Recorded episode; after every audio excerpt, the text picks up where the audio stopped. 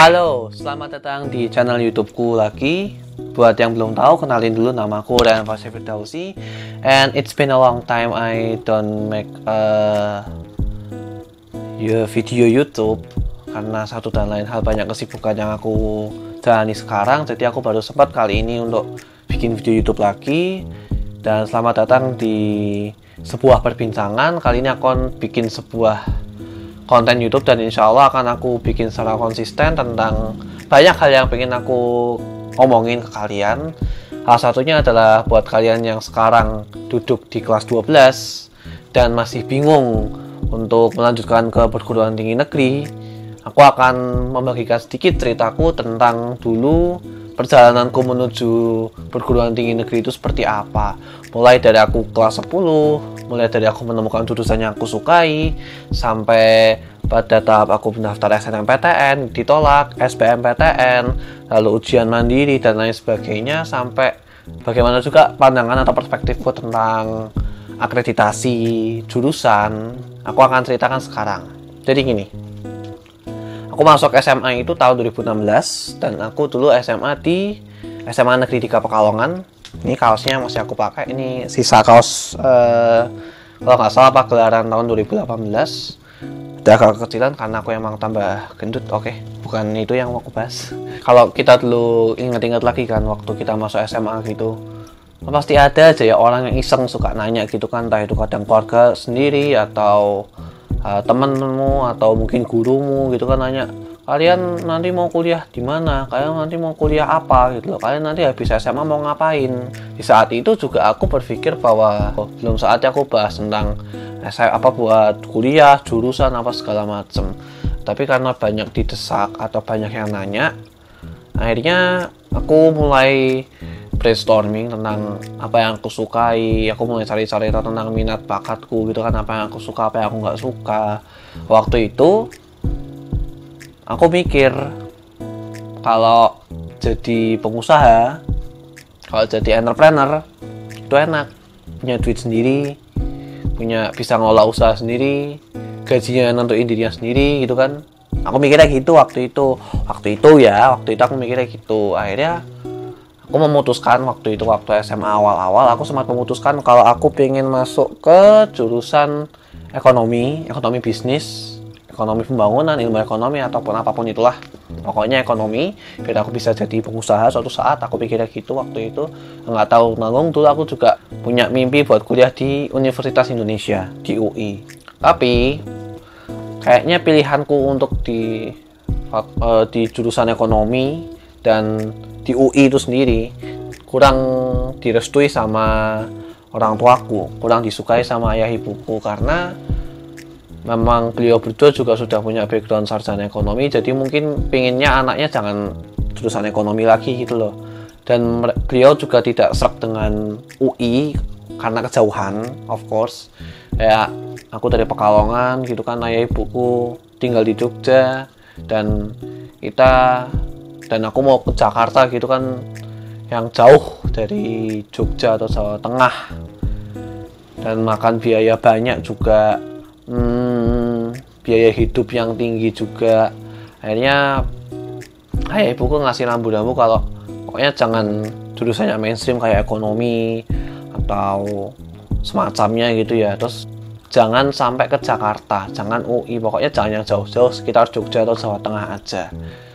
Yang mana waktu itu aku mikir kayak kuliah di Jogja atau Jawa, di Jawa Tengah tuh sudah cukup membosankan sih buat aku sendiri karena aku juga dulu lahir di Jogja gitu kan terus aku juga udah lumayan akrab sama Jawa Tengah ada Undip ada apa segala macem gitu.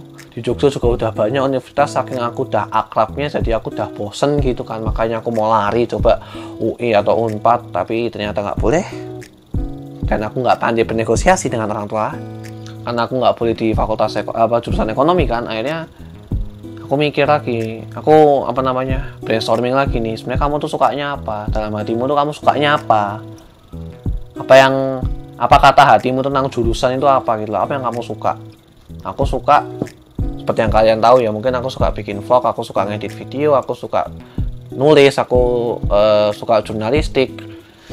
Dan akhirnya aku cari kan karena aku dari kelas 1 sampai lulus itu dah IPS sudah soshum.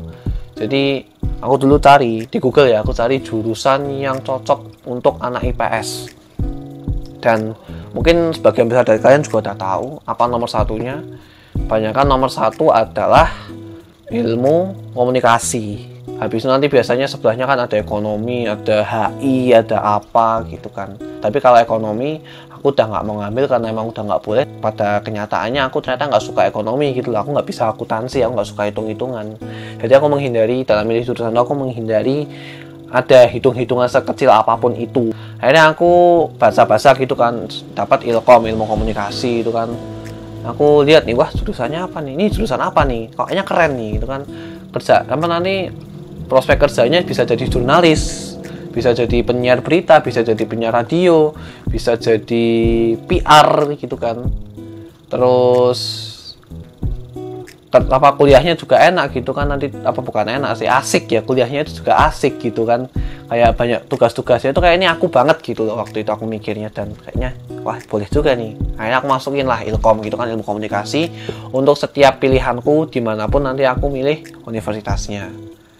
Dan singkat cerita, tibalah waktu kelas 3 SMA saat pembukaan pendaftaran seleksi nasional masuk perguruan tinggi negeri atau SNMPTN 2019 dibuka. Alhamdulillah aku juga lolos pemeringkatan 40% dan waktu itu aku udah siap dengan pilihanku yang udah aku siapin sejak kelas 1 gitu kan. Aku pengen di Ilkom untuk pilihan 2, 3, dan seterusnya. Itu aku nggak pernah punya bayangan gitu loh.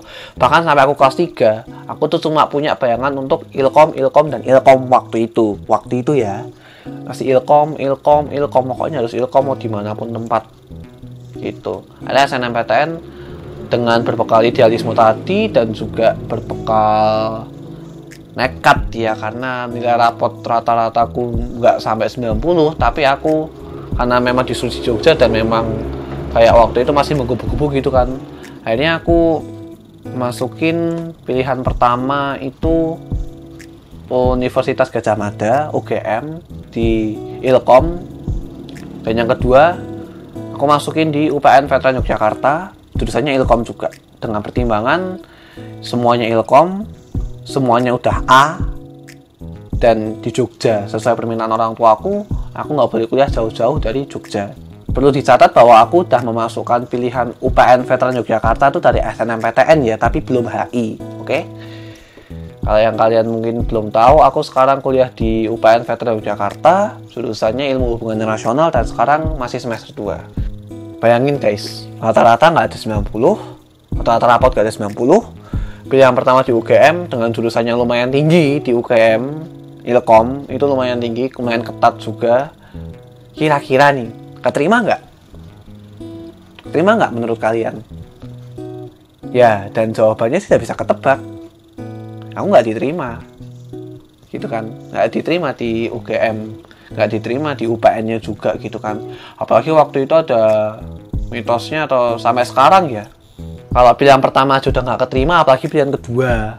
Kalau pilihannya beda-beda universitasnya gimana mau gampang keterima? Katanya kan gitu. Katanya waktu itu dan aku dulu masih percaya gitu kan akhirnya SNMPTN nggak lolos itu tadi. Terus aku mempersiapkan buat UTBK aku ikut dua kali UTBK dua gelombang ikutin semua. Yang pertama aku ikut di UGM juga. Ininya tempatnya di perpustakaan pusat UGM Bulak Sumur. Yang kedua aku ikut di UPN e, eh, waktu itu pelaksananya di SMK 5 Jogja. Aku ikut. Yang pertama itu aku ikut tanggal 13 April kalau nggak salah. Yang kedua sekitar tanggal 18 Mei atau tanggal-tanggal mendekati itulah ya kayaknya aku aku agak lupa dan akhirnya setelah aku dua kali tes skor tertinggiku waktu itu adalah 500 kalau di rata-rata ya 585 dan mendekati 600 lah ya udah lumayan tinggi tuh kalau aku bandingin sama teman-temanku yang pada ikut SPMPTN juga, uh, TBK juga. Mereka cerita skornya baru sekitar 550, 540, bahkan 400 begitu. Itu udah cukup tinggi buat aku. Buat di antara teman-temanku dan buat aku juga gitu udah cukup tinggi. Dan akhirnya pembukaan SPMPTN aku lupa persisnya tanggal kapan kayaknya sekitar bulan Juni awal ya dan waktu itu aku udah mulai mikir kalau aku masih milih UGM kayaknya sih nggak akan keterima ya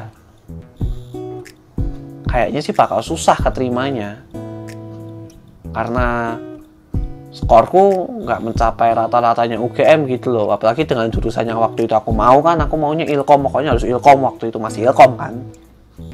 Akhirnya aku mulai berpikir bahwa kayaknya aku harus mengurungkan niatku buat daftar di UGM lewat SPMPTN nanti aku mau nyoba utul atau apa pun jalur yang lain gitu kan. Dan waktu itu aku juga ikut bimbel ya ini yang menolong banyak juga.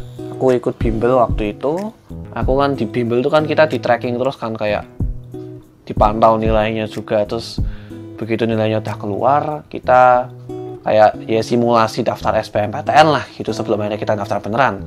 Uh, di bimbel ini mulai berpikir ini kira-kira kayak aku juga diajak mikir sama tentorku gitu kan ini kira-kira bakal masuk mana nih nilai segini nih. Kalau memang pilihanmu itu mengerucut harus di Jogja dan kamu masih pengen yang A gitu kan. Akhirnya aku mikir aku masih pengen ilkom juga ya udahlah pilihan satu. Ini masih di bimbel ya belum daftar ya.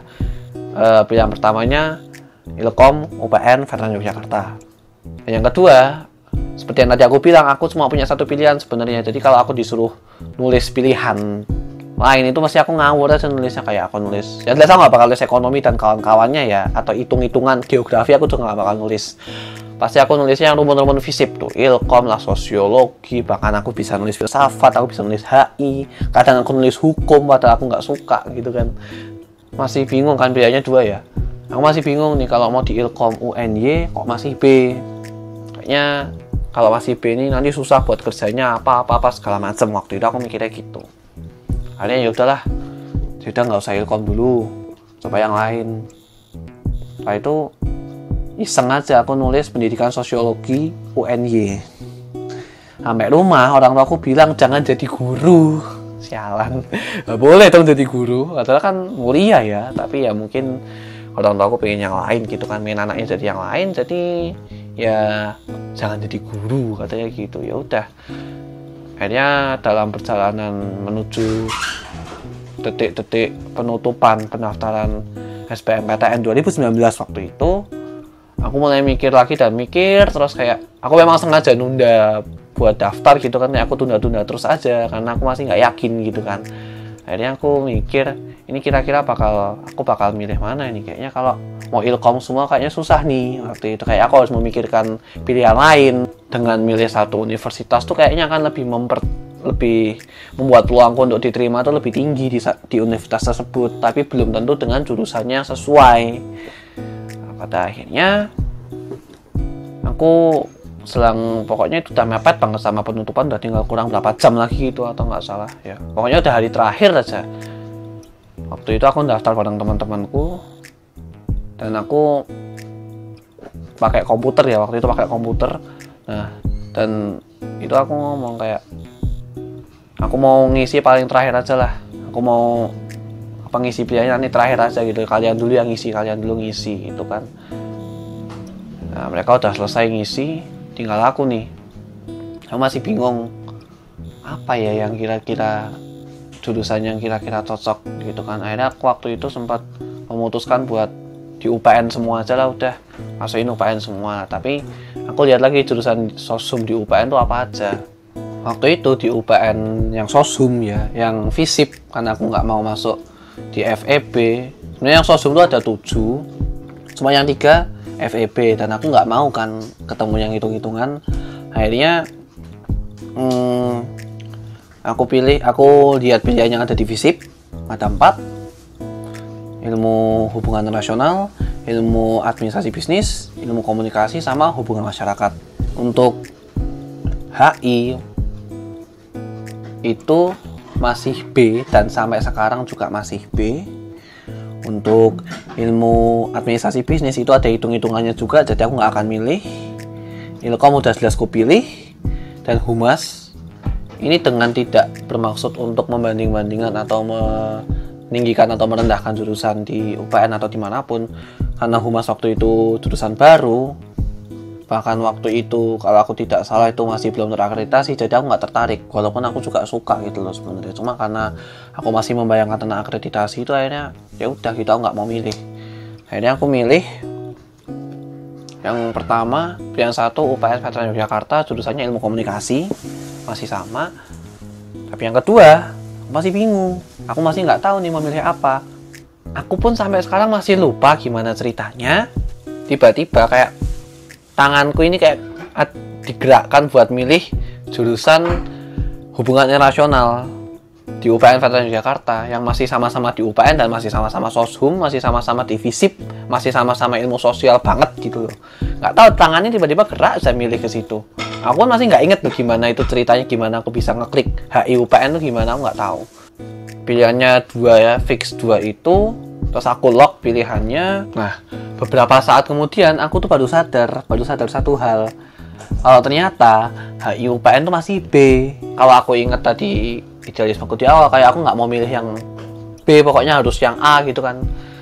Nah tapi aku baru ngeh juga kalau ternyata setelah aku kunci pilihanku kayak aku baru ngeh kalau oh ternyata HIUPN tuh B gitu kan oh iya ya kok masih kok aku milih ya gitu kan. Terus aku mulai kayak bingung sendiri kan loh itu tapi udah kunci ah ya udahlah nggak apa-apa aku milih gitu kan. Yang penting sama-sama di UPN lagian B itu juga syarat minimal kamu buat milih jurusan gitu loh jadi nggak apa-apa sebenarnya cuma memang kurang idealis aja. Dalam perjalanan waktu untuk pengumuman tuh aku juga nge-tracking nilaiku aku pakai satu web uh, satu web buat nge-tracking nilai UTBK gitu ada yang waktu itu menyediakan aku nggak perlu sebut webnya karena bukan sponsor atau bukan endorse yang jelas itu webnya developernya dari Bandung. Sampai sekarang juga masih eksis. Terus aku masukin kan nilaiku 585 dengan pilihanku. Uh, yang satu ilkom UPN yang dua HI UPN dengan pilihanku itu terus aku tracking gitu kan setiap hari datanya itu selalu berubah dan nilaiku yang tadinya di atas di angka aman yang tadinya di angka aman itu turun turun turun turun turun. Bahkan sampai angka yang tidak aman gitu di ilkom. Yang di HI tadinya udah aman nih. Turun juga. Kan sebel. Aku mulai kayak pasrah gitu kayak ya udahlah kalau SPMPTN nggak terima ya udah berarti harus serius diutul. Aku mikir gitu.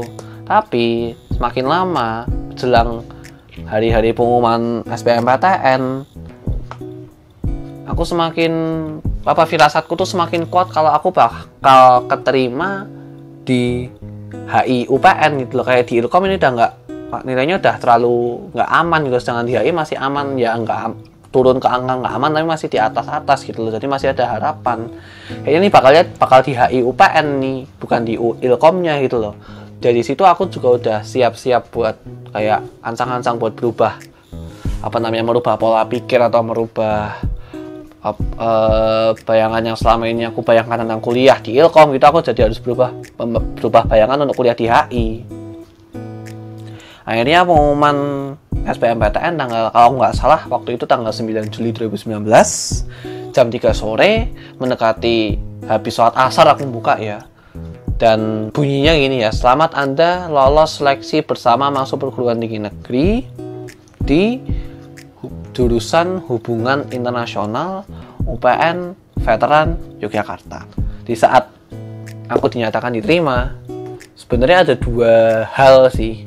Di satu sisi aku seneng, seneng banget akhirnya ada yang mau nerima aku. Akhirnya aku lolos di PTN gitu loh. Karena selama ini aku juga pengennya PTN pokoknya. Harus PTN, jangan swasta. Tapi satu sisi, waktu itu dengan mungkin pengetahuanku yang belum cukup tentang uh, akreditasi, tentang itu, aku masih mikir kayak Duh tapi B gitu loh. Wah nanti kerjanya gimana ya? Aku mikir gitu kan. Wah nanti kerjanya kayak gimana kalau masih B?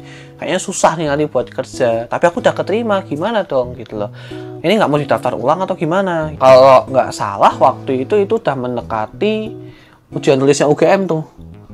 Kayak di satu sisi ini masih ada satu harapan terakhir Biar aku bisa keterima di jurusan yang A. Tapi kayak aku juga udah Kayak merasa udah cukup gitu loh di HI UPN karena aku udah capek aja buat belajar lagi buat ngerjain soal utul apalagi utul susah-susah banget. Masih mau ngejar ilkom gitu kayak ya masih ngejar cuma kayak ngerjain. Aku masih inget banget ya waktu utul tuh aku ngerjain nggak niat banget gitu kayak silang silang silang gitu kan. Ganti soal lagi silang silang. Matematika nggak aku hitung udah aku ngawur aja milih bebas gitu kan. Sedangkan yang lain tuh dihitung satu-satu gitu kan. Kayak yang lain tuh serius-serius sampai pengawasnya ngomong udah selesai mas. Oh UGM gampang ya mas? Ini sampai ngomong gitu. Oh, bukan gampang pak. Saya udah nggak mau mikir aja. Gitu dan ya bisa ditebak kan akhirnya aku nggak terima utul juga. Terus akhirnya aku sengaja mengakhirkan daftar ulang waktu itu. Walaupun aku udah punya cadangan di swasta di UII dan di Ilkom juga sebenarnya. Tapi kan aku mikir lagi kalau aku di swasta nanti mahal. Walaupun itu UKT paling murah di UII waktu itu tapi tetap aja aku mikir kayak ini mahal. Akhirnya kalau aku cabut aja uangnya aku minta lagi buat daftar ulang kuliah buat bayar UKT pertama singkat cerita aku daftar ulang. Dan setelah udah nggak keterima aku jadi semakin mantap dengan HI UPN itu. Aku berusaha dengan semaksimal mungkin dan sesemangat mungkin buat mengikuti segala kegiatan ospeknya. Atau kalau di UPN namanya PKKBN ya pengenalan kehidupan kampus bela negara. Berusaha untuk mengikuti itu dengan baik biar feelingnya juga bagus gitu loh. Kalau aku kayak masih nggak semangat atau ikut ospek itu ya sekenanya aja gitu kan kayak nanti motivasinya buat belajar atau motivasinya buat berkegiatan waktu kuliah itu juga bakal kurang. Dan akhirnya singkat cerita kuliah pertamaku dimulai hari Senin waktu itu sekitar jam setengah satu jadwal pertama mata kuliahnya namanya metode penelitian sosial. Ini aku udah dapat mata kuliah semua mata kuliah yang sosial banget nih yang sosum banget yang anak-anak sosial banget waktu itu. Kayak waktu itu aku masih maba kan kayak belum kenal terus harus kenalan sama teman-teman dulu masih harus uh, mengenali lingkungan kampusnya. Terus akhirnya kita memulai kelas baru dengan suasana kuliah. Dan sekitar jam setengah satu harusnya kelasnya udah dimulai tapi aku belum tahu dosennya yang mana. Jadi kita nunggu saja di dalam ruangan kelas. 10 menit ditunggu tidak hadir. 15 menit masih belum hadir. 20 menit. Kok belum datang juga? Setengah jam. Eh anjir mana sih ini dosennya? Mana sih? Kayak mana ini ceritanya? Kok kuliah pertama dosennya nggak datang?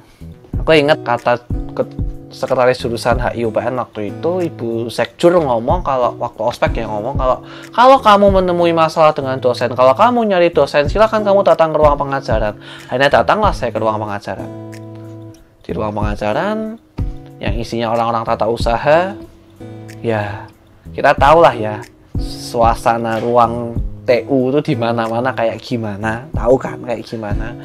Apalagi aku maba gitu kan, ya udah aku masuk Aku bertanya dengan polosnya, permisi bapak, saya mau bertanya, di manakah dosen jurusan eh, HI dengan mata kuliah metode penelitian sosial? Kok belum datang? Sudah setengah jam ini kuliahnya harusnya sudah mulai dari tadi. Kok belum datang?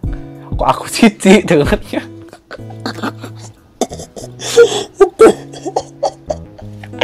itu kok cici sih aku dengernya. Gak, gak, gak kayak gitu, gak kayak gitu. Itu mah tadi improv doang. Aduh. Terus terus orang TU-nya ngomong loh dosennya itu nggak datang loh hari ini. Udah izin loh ke sini. Sudah ngomong ke saya hari ini nggak bisa ngajar gitu. Udah pulang saja nggak apa-apa. Guys guys kuliah pertama guys. Ini lagi kuliah pertama dan kita udah di prank dosen guys. Kesel gak tuh kayak mana ceritanya ini kita maba kuliah pertama dosennya nggak datang. Terus kita mau tahu apa tentang HI UPN ini kita mau tahu apa? Kita tidak tahu apa-apa. Ini kayak mana ceritanya?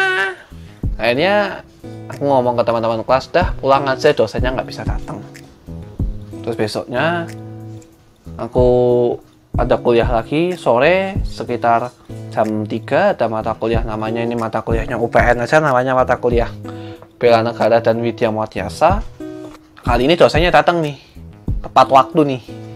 Datang pas jam 3 datang dan beliau langsung bisa menjelaskan tentang HI itu sendiri tentang HI UPN tentang kuliah di UPN dengan tips juga. Dia ngasih tips bagaimana mempertahankan IP bagaimana cara belajar yang benar cara membaca cepat kuliah yang efektif dan sejak saat itulah aku mulai bisa nyaman dan mulai yakin pilihanku di HI UPN ini udah tepat. Udah nggak perlu buat punya pikiran buat pindah lagi karena aku udah berada di jurusan yang tepat di lingkungan yang tepat sesuai dengan kemampuanku juga.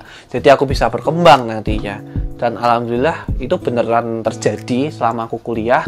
Nggak cuma tentang di HI kayak aku bisa mempertahankan IPK aku juga di semester 1 dengan IPK yang lumayan bagus buat seorang maba tapi ada hal lain juga yang aku dapatkan ketika kuliah. Karena kalau kita bicara kuliah sebenarnya kita tuh nggak hanya bicara tentang gimana proses kuliah di kelas. Karena kuliah itu sendiri maknanya akan jadi luas ketika kamu benar-benar menjalani itu terutama kalau nanti kamu merantau ya bahwa kuliah itu tidak melulu kita hanya bicara tentang hard skill berupa penguasaan materi di kelas tapi kita juga bicara tentang bagaimana kita punya koneksi, bagaimana kita mengembangkan soft skill, bagaimana kita punya bakat lain, bagaimana kita punya harus punya uh, skill yang bisa mendukung hard skill tadi.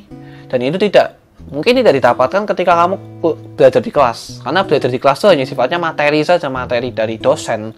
Materi dari dosen pun kadang tidak lengkap disampaikan. Kadang hanya guideline-nya saja atau hanya pembukaannya saja. Setelah itu kita harus mencari tahu atau harus mengembangkan sendiri. Nah ketika kita bicara itu maka peran lingkungan itu sangatlah penting. Kalau kita bertemu dengan lingkungan yang tepat, maka perkuliahan itu akan menjadi sebuah hal yang sangat nyaman buat kamu, terutama proses belajarnya ya. Aku akan mengambil hikmah dari semua yang terjadi selama prosesku menuju perkuliahan. Kayak misalkan waktu lolos SBMPTN itu aku sebenarnya udah seneng. Walaupun masih bingung juga dengan jurusan yang masih B, tapi kalau aku lihat dengan teman-teman kayak kita saling bertukar info satu sama lain, kayak yang pada daftar SBMPTN itu nggak semuanya keterima gitu loh sedikit banget yang keterima dan aku masih termasuk dari orang-orang yang sedikit yang diterima itu.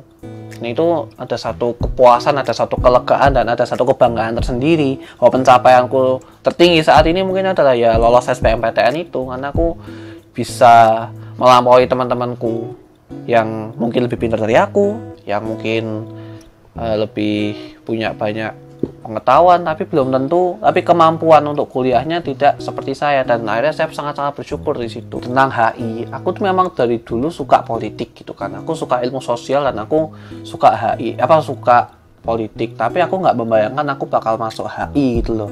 Dan setelah aku masuk HI aku lebih bersyukur lagi walaupun aku masih iri dengan anak ilkom karena kelihatannya asik ya. Tapi kalau aku aku lihat aku kuliah di HI itu aku senang karena aku benar-benar mempelajari apa yang kamu suka. Apa yang aku suka banget. Yaitu politik yaitu ilmu negosiasi yaitu ilmu diplomasi yaitu ilmu-ilmu sosial lainnya. Ilmu-ilmu sosial banget lah kalau aku bisa bilang. Dan itu memang sesuai dengan kata hatiku banget gitu loh dari awal aku mau kuliah. Aku pingin kuliah di tempat yang memang benar-benar di jurusannya benar-benar aku pingin. Dan akhirnya aku dapat HI itu satu kesyukuran lagi bahwa kadang memang kita tuh harus mengikuti kata hati kita gitu loh just follow your heart. Ya ikuti kata hatimu kamu mau kuliah di mana kamu mau kuliah apa bukan di mana sih kamu mau kuliah apa dulu yang penting kalau menurutku.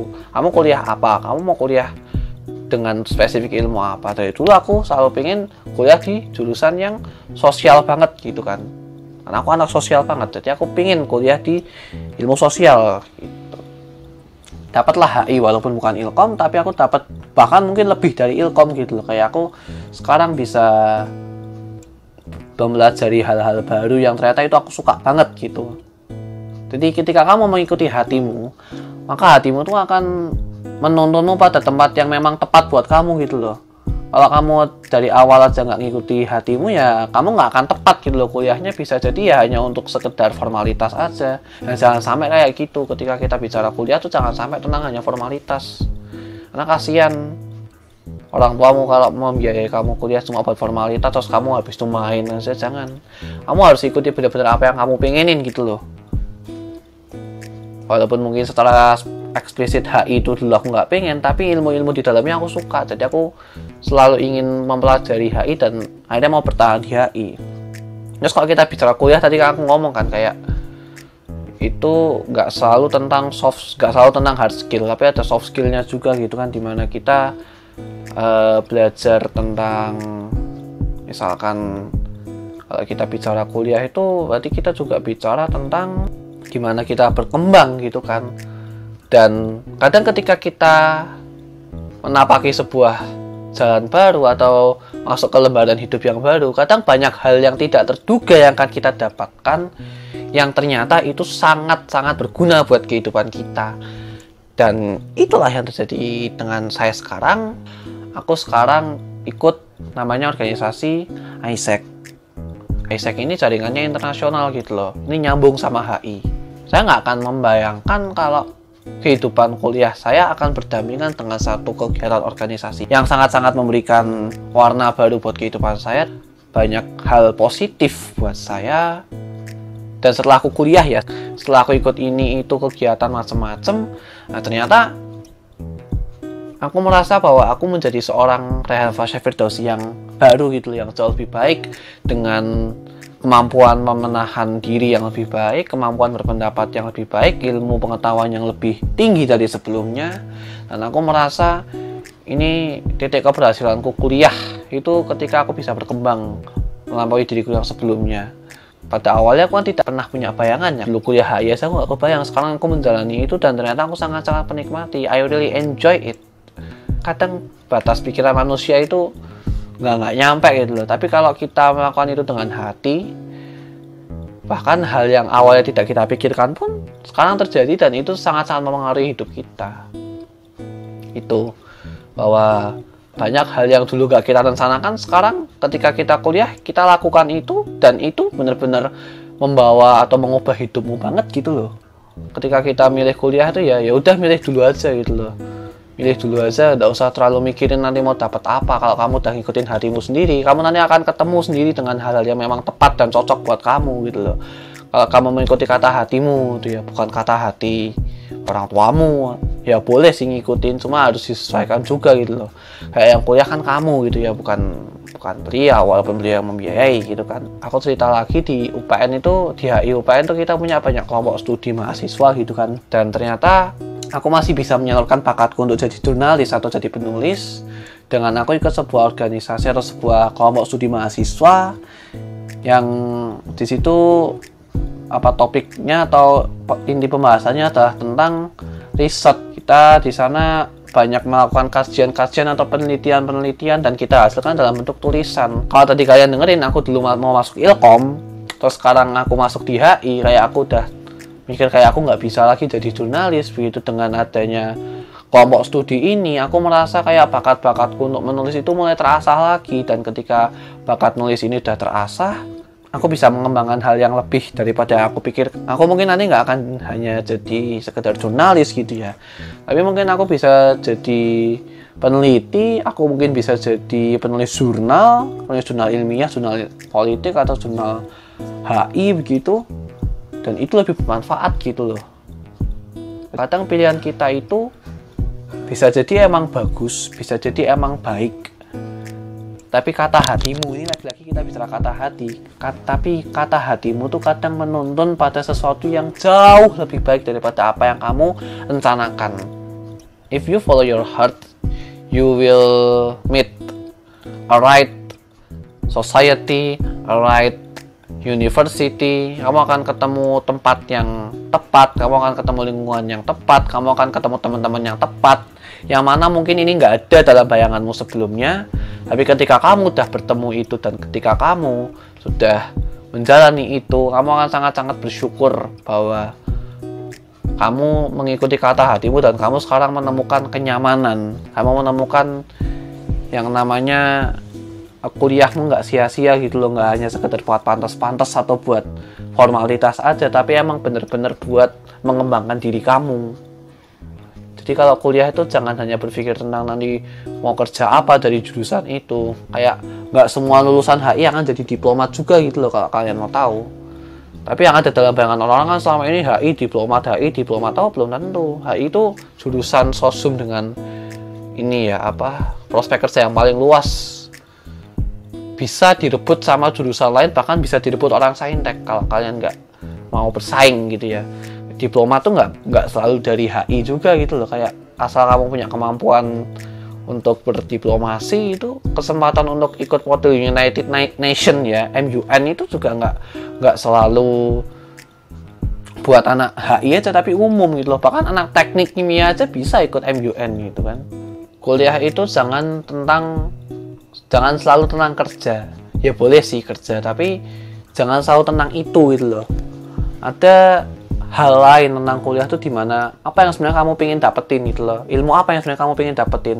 Ketika kamu udah punya udah dapat ilmu itu nanti itu akan bisa berkembang gitu loh. Kalau kamu punya pemikiran yang berkembang pemikiranmu nggak sempit ya kamu akan bisa berkembang dari ilmu yang kamu dapatkan di jurusan yang kamu ini yang kamu pilih. Terutama kalau kita bicara sosum ya.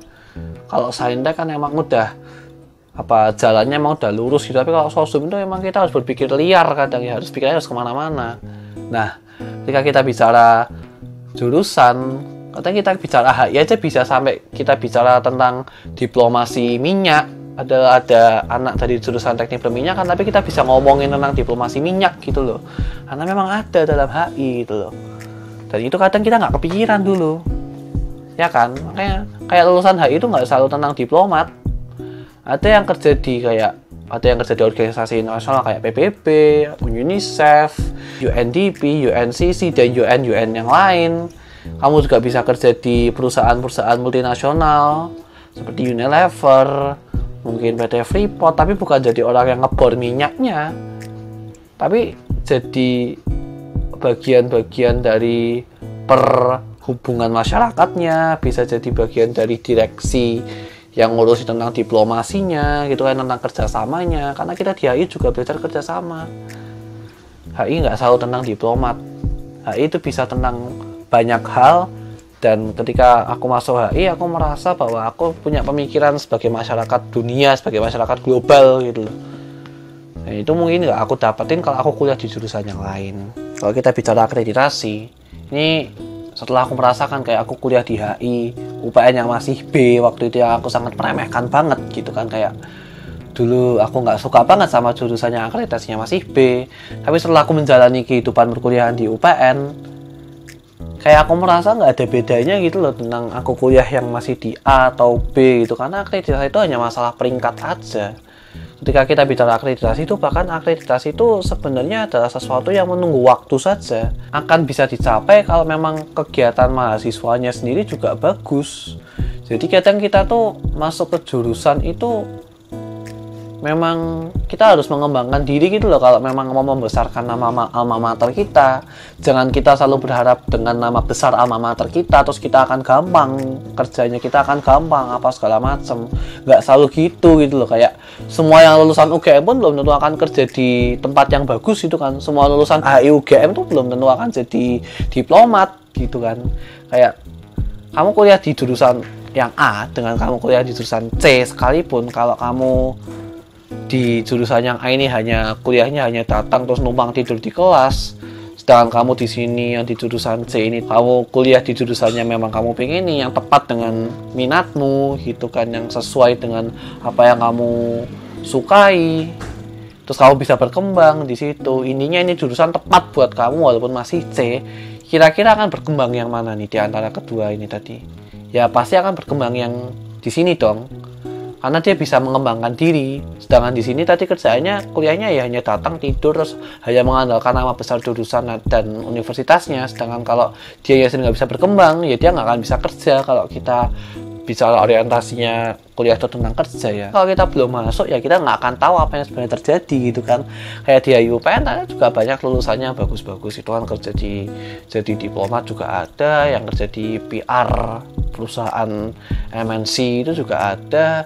Yang kerja di NGO juga ada yang jadi dosen juga banyak akreditasi itu hanya menunggu masalah waktu aja kadang atau masalah peringkat aja. Dan peringkat itu kan kalau kita tahu birokrasi di Indonesia ini kan banyak lah ya tingkatan dan banyak lah hal yang harus dilampaui kadang. Dan itu kadang bukan batas kita. Yang penting kalau milih jurusan itu minimal B lah ya. Tapi kalau kamu emang memilih yang C selama itu emang sesuai dengan apa yang kamu pinginin maka kamu jangan berupaya untuk menggantungkan nasibmu sepenuhnya pada nama universitasnya atau nama jurusannya atau tingkat jurusannya gitu kan. Atau akreditasi jurusannya. Tapi kamu berupaya untuk membesarkan nama alma mater itu biar jadi A gitu kan. Biar jurusanmu nanti bisa banyak adik-adik kelasmu yang tertarik gitu loh buat bisa masuk di sini. Seperti contoh HI UPN saja walaupun dia masih B tapi eh, yang diterima itu juga lulusan dari SMA SMA yang bagus-bagus gitu loh. Dan rata-rata dari Jawa Tengah yang bagus-bagus gitu ya. Dari luar Jawa juga banyak beberapa yang bagus-bagus. Dan mereka memang milih HI UPN karena emang cocok aja nggak peduli dia masih A atau B. Yang penting minimal B dan itu udah batas minimal kamu buat milih jurusan B itu jangan terlalu terpaku harus A ketika kamu ternyata emang ketemu yang B dan ternyata kamu emang cocok ya kenapa gitu loh. Tapi kalau kamu emang tahun sendiri mau pindah lagi ya terserah kamu. Tapi kalau selama kamu emang cocok ya nggak masalah kan buat kuliah di tempat yang masih B pun. Masalah kerja itu kamu nggak terlalu nggak perlu terlalu pusing ya. Memang kalau memang kamu menjadi tulang punggung keluarga gitu misalkan ya memang itu menjadi pertimbangan. Tapi ketika kita sudah menemukan yang cocok tuh nanti ada kok jalannya. Asal apa ya? Asal follow your heart itu tadi ikuti hatimu gitu loh.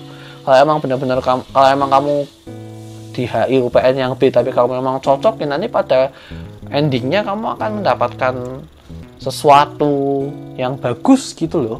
Kamu akan mendapatkan hal yang mungkin selama ini gak kamu duga-duga kayak tadi aku cerita gitu kan kayak aku nggak menduga kehidupan kuliahku akan berdampingan dengan kehidupan Isaac akan berdampingan dengan kehidupan kehidupan yang lain dengan organisasi yang lain dengan soft skill yang lain yang ternyata aku nggak bayangin aku akan dapat dan sekarang aku dapat. Kayak aku punya teman-teman yang positif positif juga gitu kan. Itu mungkin nggak akan aku dapetin kalau aku masuknya nggak di UPN aku nggak masuk di FISIP dan aku nggak masuk di HI gitu loh. Karena itu semua saling berkaitan. Ya kamu nggak akan tahu apa yang akan kamu dapetin. Kalau kamu udah keterima ya udah ambil dulu gitu loh coba dulu. Kalau prinsipku sih gitu coba dulu nggak apa-apa.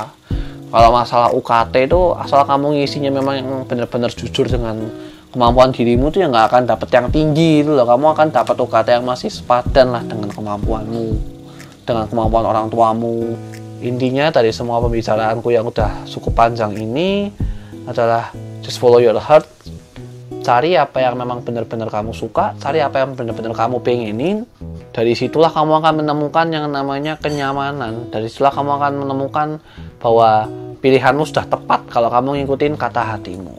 Begitu teman-teman. Dan terima kasih untuk yang sudah mendengarkan uh, bacotan saya yang sangat panjang ini dan kalau kalian masih mau nanya-nanya lagi kalian bisa DM aku di @renfasya23 dan besok-besok mungkin aku akan bikin video-video kayak gini lagi juga di untuk mengisi kegabutanku juga dan mungkin ini nanti juga akan tersedia di anchor.fm atau di Spotify juga biar kalian bisa dengerin suaraku aja kalau enak lihat wajahku ya.